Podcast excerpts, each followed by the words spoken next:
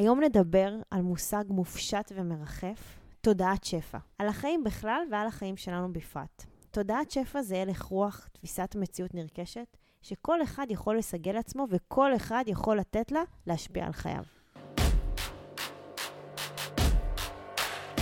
ברוכים הבאים למדברים השקעות עם עמית ואגר.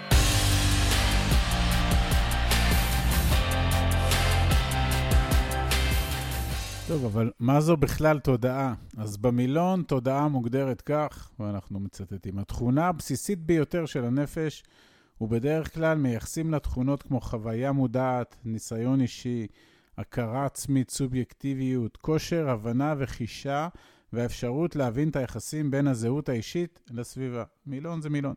אנחנו אה, אוהבים לאפיין את התודעה בהגדרה מכלול המחשבות שלנו, שמהן נבנית תפיסת המציאות שלנו. אנחנו יותר פשוטים. התודעה בנויה ממבנה האישיות שלנו, מסך החוויות שחווינו במהלך חיינו ומהיכולת שלנו לדמיין ולחשוב מציאות בהווה ומציאות בעתיד. מכאן שתודעה היא משהו מאוד מאוד אישי, מאוד אינדיבידואלי וניתן לשינוי והשפעה.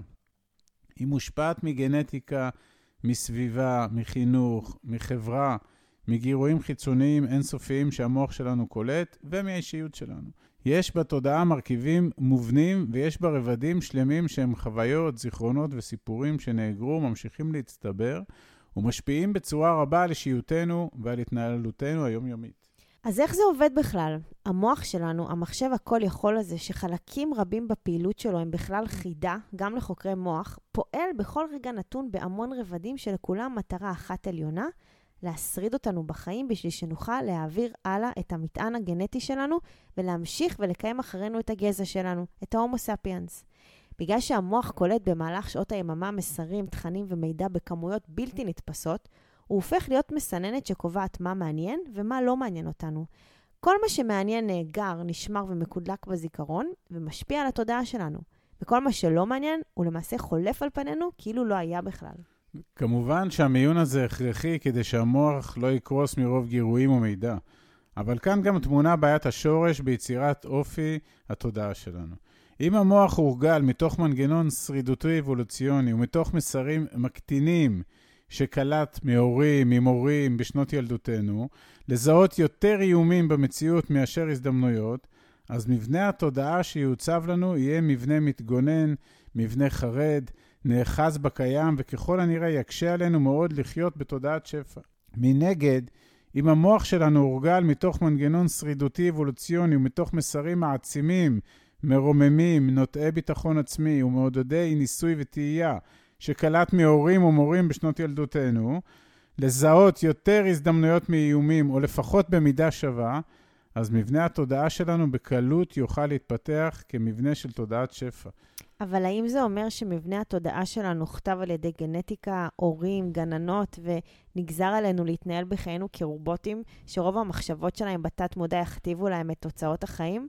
אז התשובה היא לא ענק. בהחלט חומר הגלם התודעתי שעיצב אותנו בילדות יהיה נוכח בהתנהלות שלנו, אבל בכפוף להחלטות שלנו, נוכל להטות את כל ההתנהלות שלנו בזמן קצר ביותר.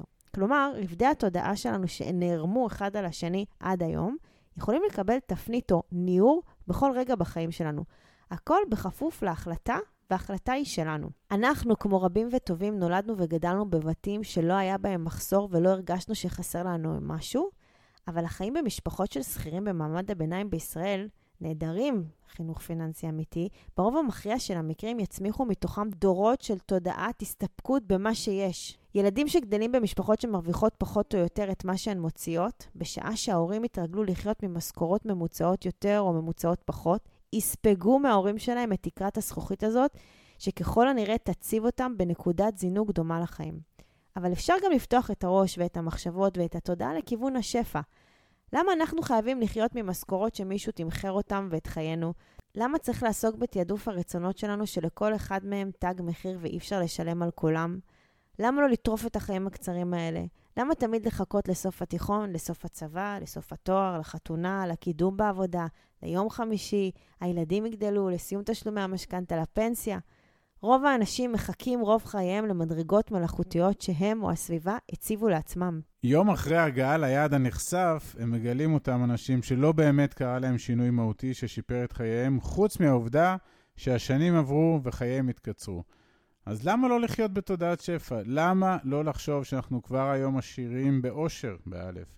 עשירים בהכרת תודה על כל מה שיש לנו סביבנו, ועשירים באושר בעין שיכול לקנות לנו נוחות ורמת חיים שלא עוסקת במרדף אחרי מה מוותרים, אלא מציבה אותנו בפני יכולת אמיתית לעשות גם דברים שחשבנו כל החיים שהם יקרים.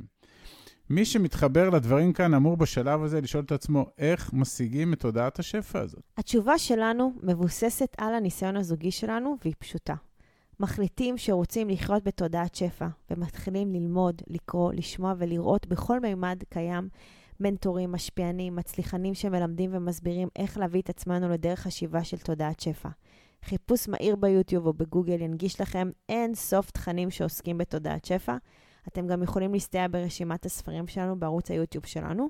אחרי ההחלטה צריך באמת ובתמים להתחיל לצרוך תכנים רלוונטיים על בסיס יומי. להקשיב, לנתח, להבין, לדבר על הדברים אם יש לכם עם מי, ולעשות מהלך כזה בזוג, זה מכפיל כוח משמעותי. כן, לא פחות חשוב זה עקרון ההמשכיות, ההתמדה. אל תיתנו להתלהבות של היומיים הראשונים לדעוך.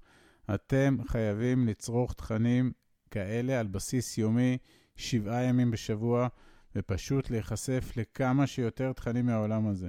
חשוב גם לשמוע, לקרוא, לראות תכנים שאתם מתחברים אליהם במיוחד מספר פעמים. כן, כן, תוכן שהתחברתם אליו, אפשר לשמוע גם חמש ועשר פעמים, כמו שיר טוב שאתם מאוד אוהבים. המילים והמוזיקה של השיר ששמעתם עשרות ואולי מאות פעמים חדרו עמוק לתודעה שלכם. כך גם תעשו עם חומרי הלימוד של תודעת השפע. לצד הפתיחות והקשב לדברים שעד היום לא היינו ערים אליהם, יש גם צורך לעשות עבודה אישית פנימית. אנשים ספקניים, אנשים ציניים, חשדניים, קטני אמונה, רואי שחורות ועוד, יהיו חייבים לנטרל, לשבש, להקטין תכונות ומאפיינים אלה שיתנגשו התנגשות חזיתית בחומרים החדשים שישפכו על תודעתם ומחשבתם מהכיוון הלימודי. בן אדם רגיל במרכאות כפולות, שישמע בחומרים של תודעת השפע משפט כמו, ואני מצטט, תתחיל היום לחשוב כמו השיר, ולהתנהג כמו השיר, כדי לשדר ליקום ולעצמך ולסביבתך, ששפע הוא מאפיין שלך ושל התנהלותך, סוף ציטוט, ואותו בן אדם בכלל מתקשה לגמור את החודש עם 8,000 ש"ח משכורת, הוא יתקשה מאוד להביא את עצמו לקשב ולפתיחות ולתודעת שפע, קשיי היום-יום יכולים בקלות להרוג ניסיונות למידה והבניית יסודות איתניים של תודעת שפע. ועכשיו לפרקטיקה. החלטנו שאנחנו רוצים לחיות בתודעת שפע, התחלנו לצרוך תכנים של תודעת שפע על בסיס יומי, אנחנו מקיימים שיחות עם הקרובים אלינו, או נמצאים בתהליך דומה על משמעות הדברים, משמעות התפיסה הזאת. הסטנו הצידה את שדון הציניות שריחף תדיר מעל אוזן ימין שלנו, אבל מאיפה יגיע השפע? השפע התודעתי יביא עמו בוודאות גם שפע מעולמות אחרים ויהפוך אותנו לאנשים אחרים. המשך בפרק הבא.